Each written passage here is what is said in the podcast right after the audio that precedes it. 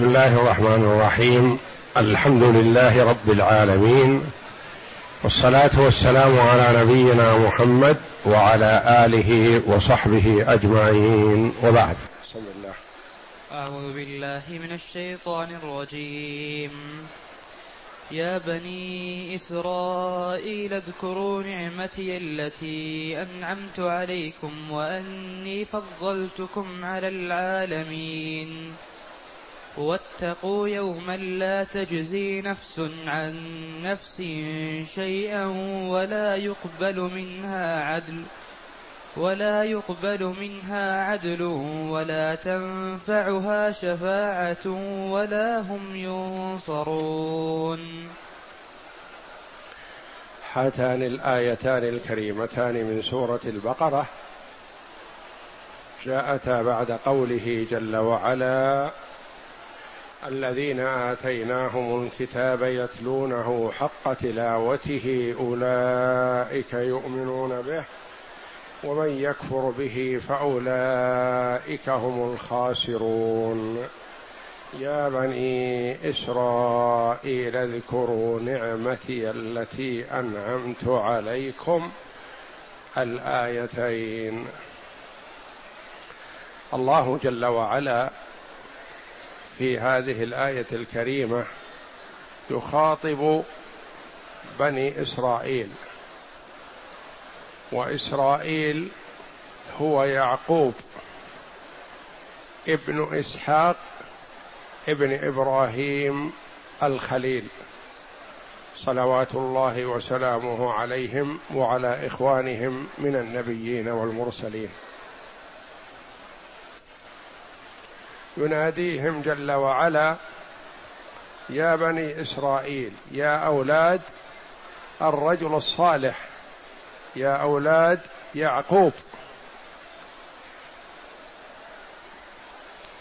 يذكرهم بأصلهم والخطاب لليهود في زمن النبي صلى الله عليه وسلم.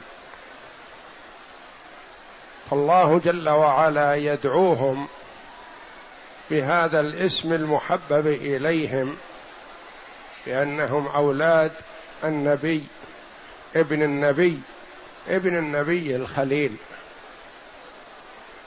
يا بني إسرائيل اذكروا نعمتي التي أنعمت عليكم. المراد بذكرها الشكر شكرها. يعني اشكروا نعمتي التي أنعمت عليكم. أنعمت عليكم وعلى أسلافكم بنعم عظيمة. والله جل وعلا وعد من شكر بالزيادة وتوعد من كفر بالعذاب. وإذ تأذن ربكم لئن شكرتم لأزيدنكم ولئن كفرتم إن عذابي لشديد. اذكروا نعمتي التي أنعمت عليكم. نعم الله جل وعلا عظيمة. وتثبت وتبقى وتزيد بالشكر. والشكر بأن يعترف بها لمسديها وميوليها وأن يستعان بها على طاعته وأن تصرف هذه النعم في مرضاته. فمن قام بهذا فقد شكر النعمة ومن لم يشكرها فالويل له. اولا قد تنزع منه نعمته. وإن لم تنزع في الدنيا عذب بها في الآخرة.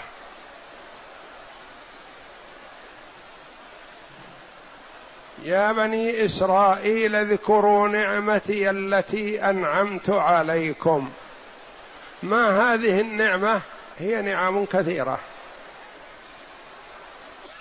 اولا فضلهم الله جل وعلا بالأنبياء.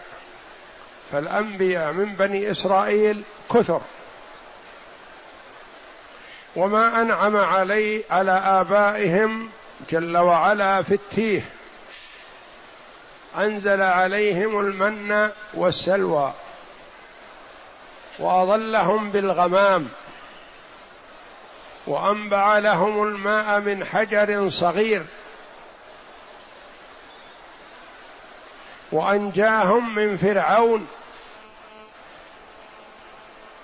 وجعلهم ملوكا في الأرض وآتاهم ما لم يؤت أحدا من العالمين من عالم زمانهم التي أنعمت عليكم اذكروها فاشكروها. ومن نعمه جل وعلا على الموجودين في زمن محمد صلى الله عليه وسلم أن جعلهم يدركون مبعثه. فإدراك بعثة محمد صلى الله عليه وسلم نعمة عظيمة. وكانوا يتوعدون الكفار من المشركين بأنهم إذا بعث محمد اتبعناه. وقاتلناكم معه. فسارع المشركون إلى الإيمان بالله وكفر هؤلاء. التي أنعمت عليكم وأني فضلتكم على العالمين. تقدم نظير هذه الآية. وأني فضلتكم على العالمين.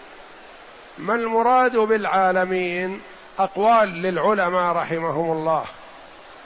وما المراد بهذا التفضيل؟ أقوال للعلماء رحمهم الله. وأني فضلتكم على العالمين يعني على عالم زمانهم.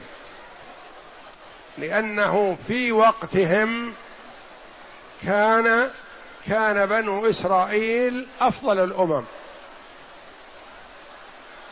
قبل بعثة محمد صلى الله عليه وسلم كان بنو إسرائيل أفضل الأمم. في أمم كثر في الأرض فأفضلهم بنو إسرائيل لأن معهم الكتاب وعندهم الأنبياء. المراد بالعالمين عالمي زمانهم. القول الآخر أني فضلتكم على العالمين يعني على العالمين مطلقا. وهذا التفضيل في شيء دون شيء. فضلتكم على العالمين مطلقا. بماذا؟ بكثرة الأنبياء فيهم. هذه ما توجد في بني إسماعيل. بنو إسماعيل ما بعث فيهم من نبي إلا محمد صلى الله عليه وسلم. وبنو إسرائيل يعقوب بن إسحاق فيهم الأنبياء والرسل الأنبياء بالآلاف. كثر. وهذه فضيلة. فضلتكم على العالمين بأن جعلت فيكم أنبياء كثر ما كانوا في الأمم في غيركم ويكون هذا التفضيل بالنسبة للأمم كلها.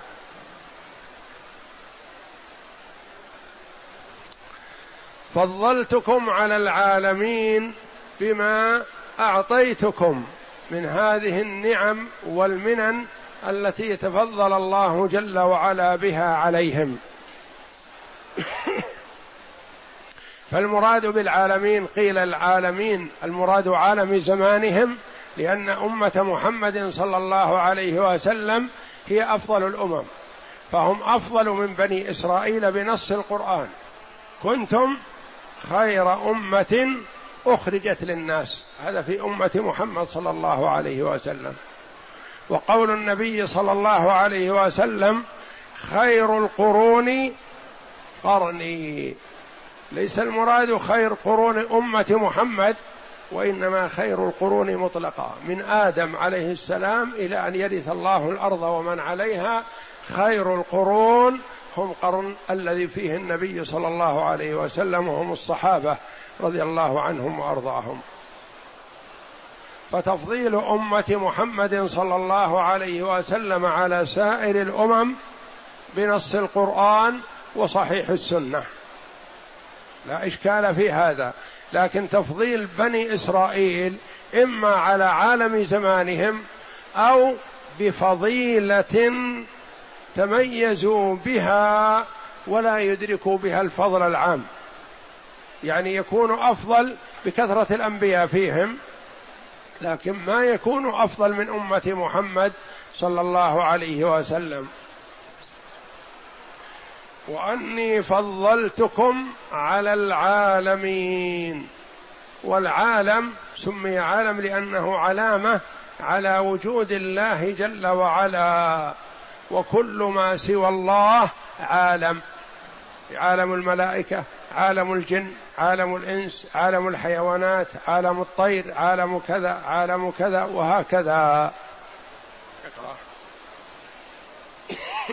قد تقدم نظير هذه الآية في صدر السورة وكر وكررت ها هنا للتأكيد والحث على اتباع يا بني إسرائيل اذكروا نعمتي التي يا بني إسرائيل اذكروا نعمتي التي أنعمت عليكم وأوفوا بعهدي أوف بعهدكم. في أول السورة عند أول ذكر ما امتن الله جل وعلا به على بني إسرائيل.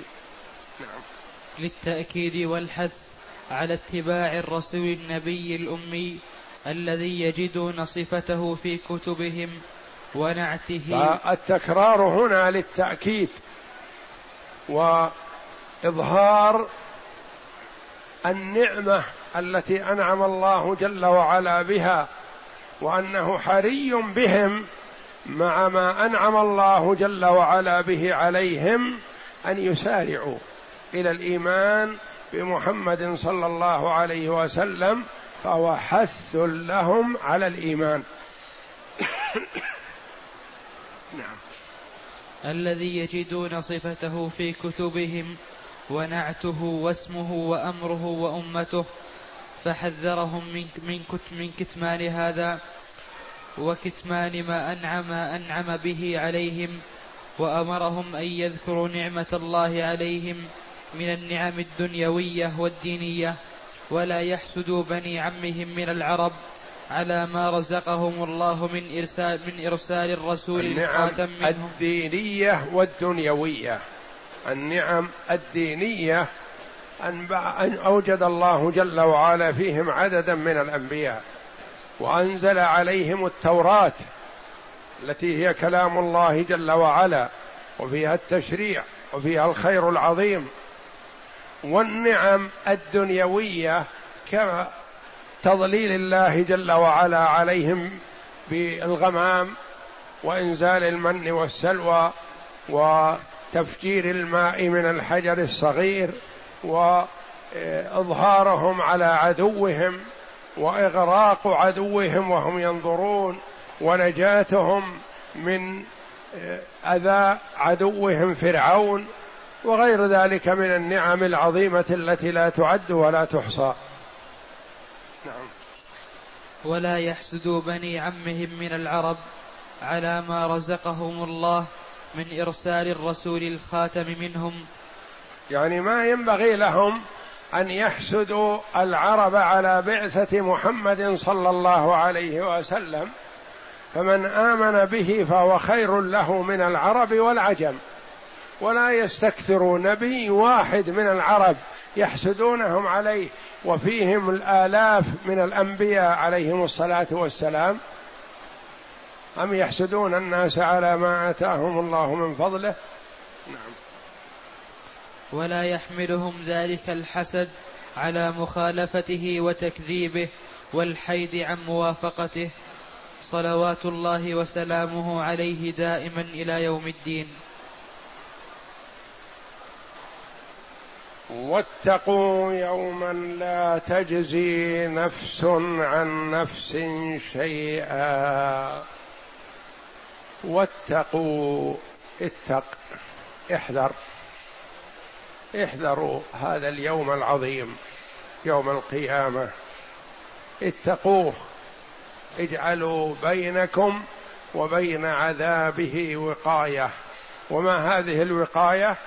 هي الإيمان بالله تعالى وبرسله. وإذا آمنتم بمحمد صلى الله عليه وسلم فهذا من تمام إيمانكم بأنبيائكم. وإذا كفرتم بمحمد صلى الله عليه وسلم فقد كفرتم بأنبيائكم.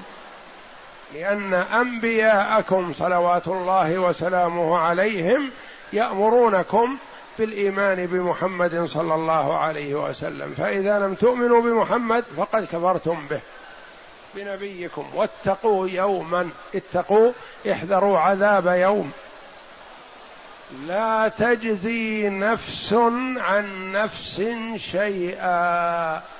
لا تجزي يعني لا تنفع. لا تنفع نفس عن نفس. النفس الأولى ما هي النفس المؤمنة المسلمة. لا تجزي نفس عن نفس كافرة. لا تجزي يعني لا تنفع نفس نفسا. لا أحد ينفع غيره. لا تعتمدوا على آبائكم. تقولون آباؤنا أنبياء ورسل يشفعون لنا. يأخذون بأيدينا إلى الجنة يخرجوننا من النار. لا ذلك اليوم الحكم فيه للواحد القهار جل وعلا. ما أحد ينفع أحد إلا بعد إذن الله جل وعلا. لا تجزي نفس عن نفس شيئا ولا يقبل منها عدل. لا يقبل منها عدل لا يقبل منها فدية. ما أحد يستطيع أن يشتري نفسه. أنت في الدنيا تشتري نفسك بطاعة الله جل وعلا. كل الناس يغدو فبائع نفسه فمعتقها أو موبقها. والنبي صلى الله عليه وسلم يقول لأخص الناس به أنقذوا أنفسكم لا أغني عنكم من الله شيئا. لا تجزي نفس عن نفس شيئا ولا يقبل منها عدل. ما يقبل منها فدية. في الدنيا يستطيع المرء أن يفتي نفسه بالأعمال الصالحة وبطاعة الله جل وعلا والبذل في سبيل الله لكن في الآخرة ما فيه. إذا لم يقدم في في دنياه في حال حياته عملا صالح ما هناك فدا يوم القيامة. ولا يقبل منها عدل. فدية. ولا تنفعها شفاعة. ما تنفع الشفاعة ولا تقوم الشفاعة لأحد إلا بعد إذن الله جل وعلا للشافع ورضاه عن المشفوع له. خلاف حال الدنيا. فقد يشفع الشافع وقد تنفع شفاعته وقد لا تنفع. لكن في الدار الآخرة ما أحد يشفع إلا بعد إذن الله. في الدنيا الشافع يدخل على الأمير والوالي والملك والكبير ويشفع. قبلت شفاعته نفعت ما تقبل شفع أدى ما عليه. لكن في الدار الآخرة لا. ما أحد يشفع إلا بعد إذن الله جل وعلا. من ذا الذي يشفع عنده إلا بإذنه. ولا يشفعون إلا لمن ارتضى. ما أحد يشفع لكافر ابدا إلا النبي صلى الله عليه وسلم. قد يشفع لعمه أبي طالب شفاعة لا تخرجه من النار وإنما تخفف عنه العذاب. كما قال عليه الصلاة والسلام لما سئل هل نفعت عمك؟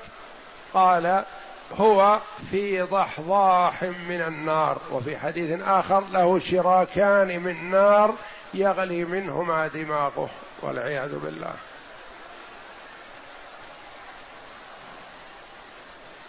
فهي الشفاعة الوحيدة للكافر لا شفاعة تخرجه من النار وإنما تخفف عنه العذاب. وهذا العذاب يغلي منه دماغه بعد التخفيف والعياذ بالله. ولا تنفعها شفاعة.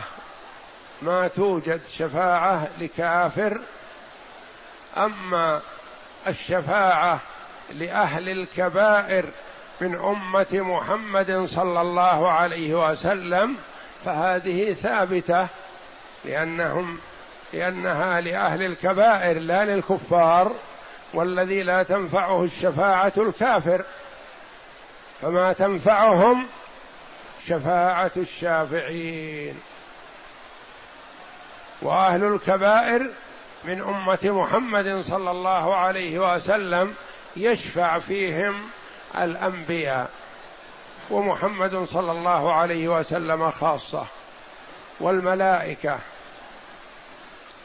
والصالحون. والشهداء من أمة محمد صلى الله عليه وسلم. والأفراط.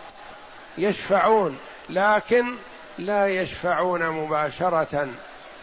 من أول وهلة. ولا بد من إذن الله جل وعلا للشافع. ورضاه عن المشفوع له.